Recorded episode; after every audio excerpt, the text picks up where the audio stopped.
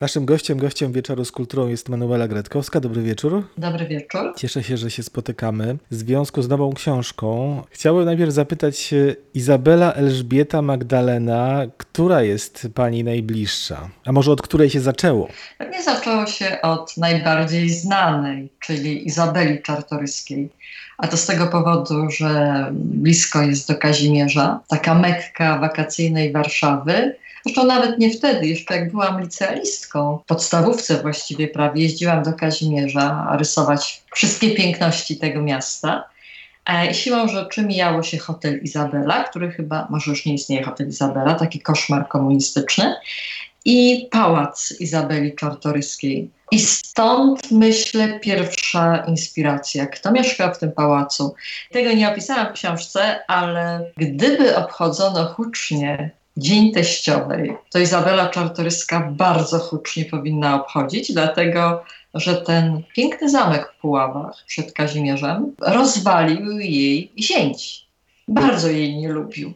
A, a że był wojakiem ze strony zachodniej, niemieckiej, pruskiej, trudno to teraz nazwać narodowość, to z radością przyłożył armatę specjalnie, żeby teściowej rozwalić ten piękny zameczek z tymi pięknymi muzeami. Najbardziej, która z nich, z tych trzech bohaterek, myślę, że one reprezentują, gdyby złożyć je wszystkie, jedną kobietę. Kobiety są skomplikowane.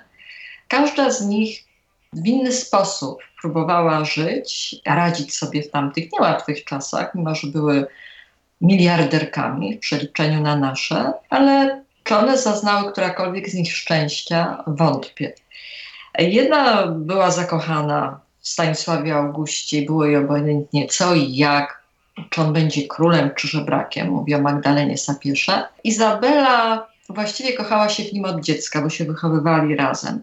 I dokonała czegoś, co nawet na nasze warunki pokazuje jej siłę charakteru. Ona była półsierotą, matka umarła właściwie w połogu przy porodzie. I to, co opisuje, jest prawdą. Jej ojciec ożenił się drugi raz z zrodzoną siostrą jej matki i umarła tego samego dnia, oczywiście później, tego samego dnia, miesiąca w tym samym łóżku. Jakieś fatum krążyło.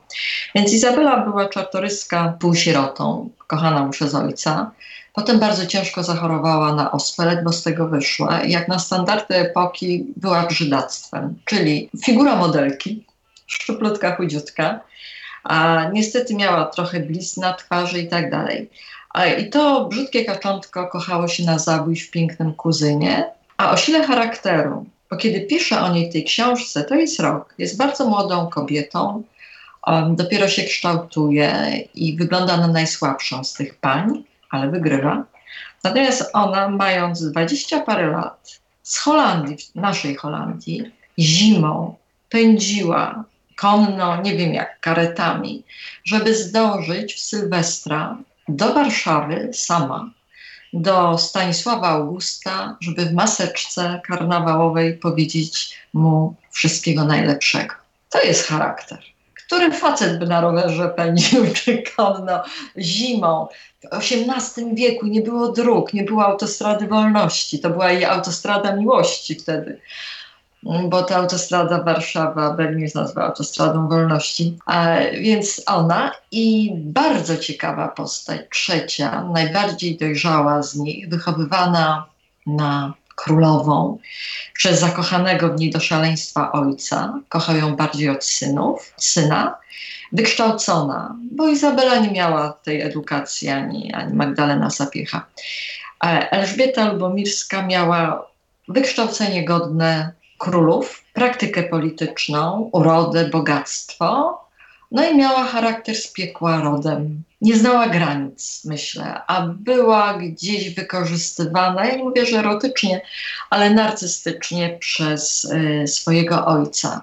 I te trzy kobiety łączy konkurencja, nie wiem czy miłość, może, może i miłość do króla Stanisława Augusta, zanim jeszcze był królem w dwóch przypadkach, i pokazują, co potrafią. Myślę, że w renesansie poszłaby w ruch trucizna, tak to poszło w ruch okrucieństwo, intrygi, a w tle, nie wiem co jest tłem, może pan mi powie, wydaje mi się, że równolegle e, mężczyźni walczą o władzę. Nie o miłość, ale o władzę. I to, co opisałam, jest prawdziwą historią, paradoksalną. Ta Izabela, która władzy nie chciała, chciała tylko miłości, zdobywa wszystko, ale też dzięki mężczyznom, ale nie zdobywa Stanisława Augusta. Zostaje niekoronowaną królową Polski. Nie zdradzę tu końca. Ta łagodna, oskubana gąska potrafi się tak zemścić, że największa intrygantka, jedna z najsławniejszych kobiet Europy, Elżbieta Lubomirska była uznawana za piękność europejską i francuską sławę i dobrała jej się do skóry. To zaraz o tych mężczyznach jeszcze porozmawiamy, ale jeszcze o tym czasie, czy o tym tle. Mamy 1766 i 67 rok, czyli dość oryginalny wybór, ale oczywisty z pewnych względów, ponieważ oni są jeszcze młodzi, wszyscy, pełni no, namiętności. Stanisław August Poniatowski jest drugi rok na tronie polskim. Te czasy i ten temat za panią chodził, czy go pani po prostu szukała jako tematu na kolejną książkę po futurystycznej cokolwiek wyprawie na linii życia, no i po choćby szamańskiej kosmitce? Ten temat, czy ja mogę puścić muzykę z tej książki, bo mam ją na tapecie Facebooka.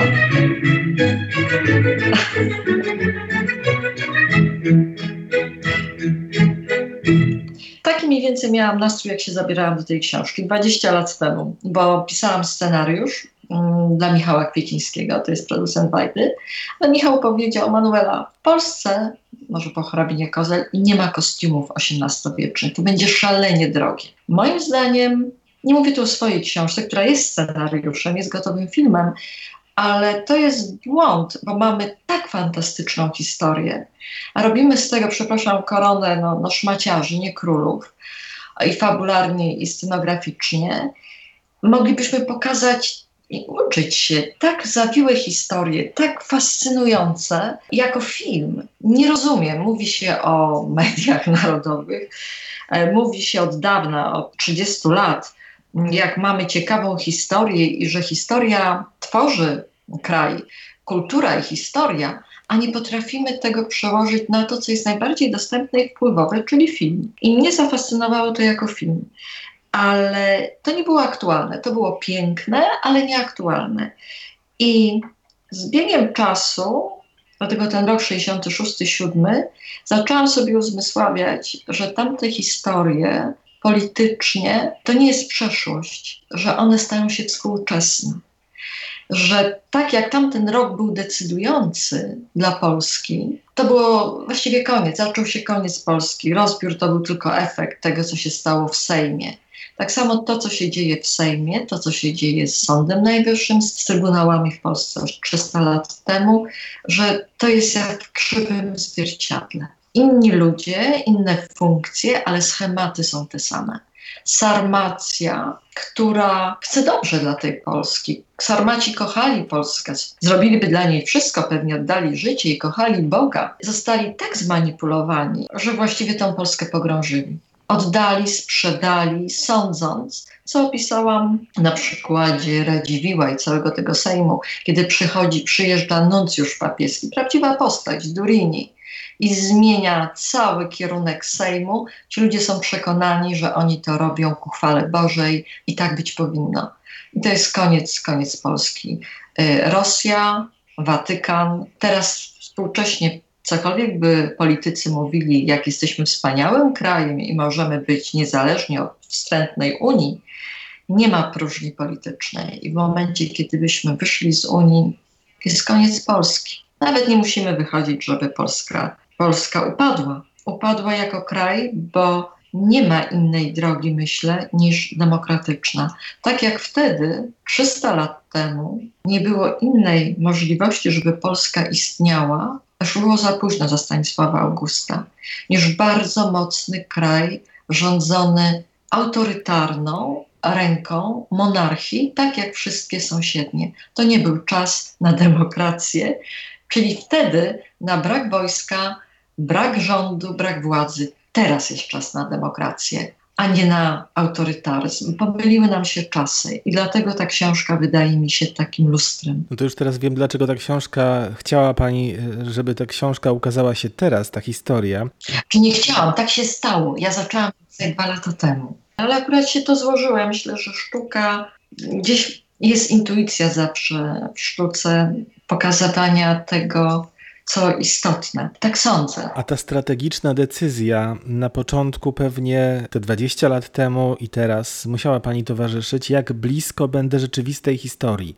Więc jak blisko Pani jest? W tej książce myślę 98% to są fakty. Może dodałam jedno dziecko nowonarodzone. Oczywiście czytelnik się zorientuje, że nie było Big Bravera i ja nie byłam w sypialni, a że te sceny są wymyślone, że sceny są pisane tak, bo to jest język, literatura jest językiem, e, żeby było językowo dobrze i ciekawie, a zarazem, żeby był obraz, który zdefiniuje procesy różne, i historyczne, i intrygi, i walkowe, i w polityce, bo nie jestem historykiem i nie będę pisała podręcznika. Literatura, film to jest obraz, to jest dialog, to jest nastrój. Tak jak mówiłam, większość jest prawdziwa, a tam, gdzie nie ma dokumentów, to musiałam sztukować wyobraźnią.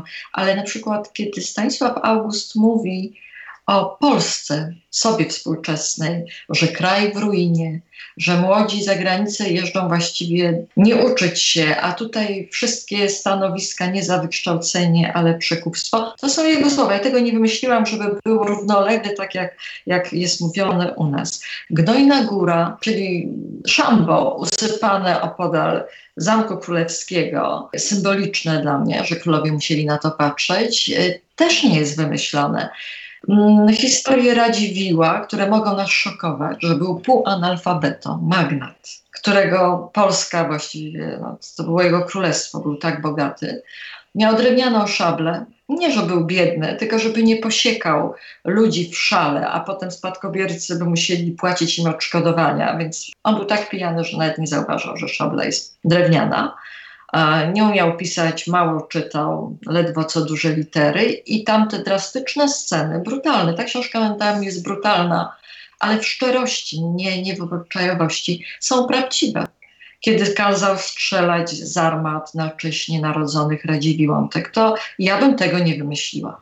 Naprawdę, myślałam, że sceny, które wymyśliłam są barwne, ale rzeczywistość była wiele bardziej dosadna. Pani Manuelo, jednym z fundamentów tej książki, tej opowieści, ale i pani twórczości jest ciało. Tutaj te dwie siły, czyli seks i polityka, łączą ludzi, oczywiście łączą też wrogów. Ich uprawianie, tak z naszej perspektywy, z pani perspektywy, było największą namiętnością tamtej epoki i tamtych sfer. I to jest też to pytanie, że to jest też e, ulubiona może epoka dla e, kogoś, kogo nazywa się, nie pamiętam już kto i kiedy, narodową libertynką? Ma pan w tym rację. Ja pisząc to sobie uświadomiłam.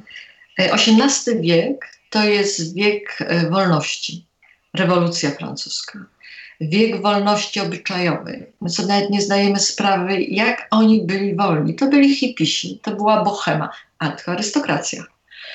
Bo e, mieszczaństwo, no to musiało klepać paciorki, wierzyć w Boga. Oni nie. Kler, ten najwyżej postawiony papież, biskupi, arcybiskupi, kardynałowie byli z ich sfery. To była rodzina. Mówię arystokracji europejskiej, byli powiązani rodzinnie. E, Marquis de Sade tylko dlatego się znalazł w więzieniu, że nie zachował swoich obyczajów do swojej sfery.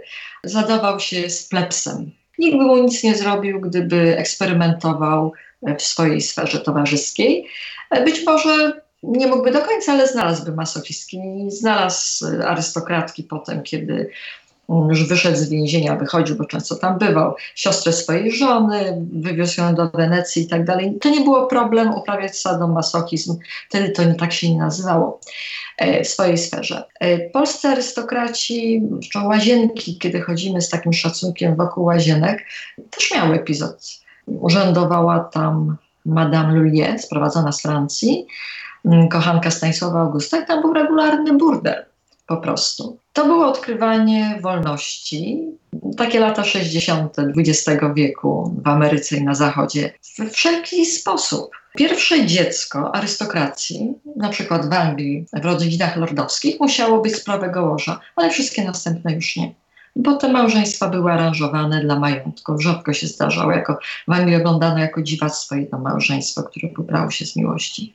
Więc mając pieniądze, nieograniczone możliwości, władzę, nie bojąc się Boga, którego nie ma. Cóż im stało na przeszkodzie niż zażywać e, rozkoszy ciała, a także duszy, bo to byli erudyci, ludzie bardzo dobrze wykształceni. Dalej Rand mówił, że pisał, że kto nie znał życia przed rewolucją, ten nie znał w ogóle życia. Dla tej warstwy społecznej to był raj. Myślę, że oni żyli tak jak nam współcześni w Konstancinie pod Warszawą.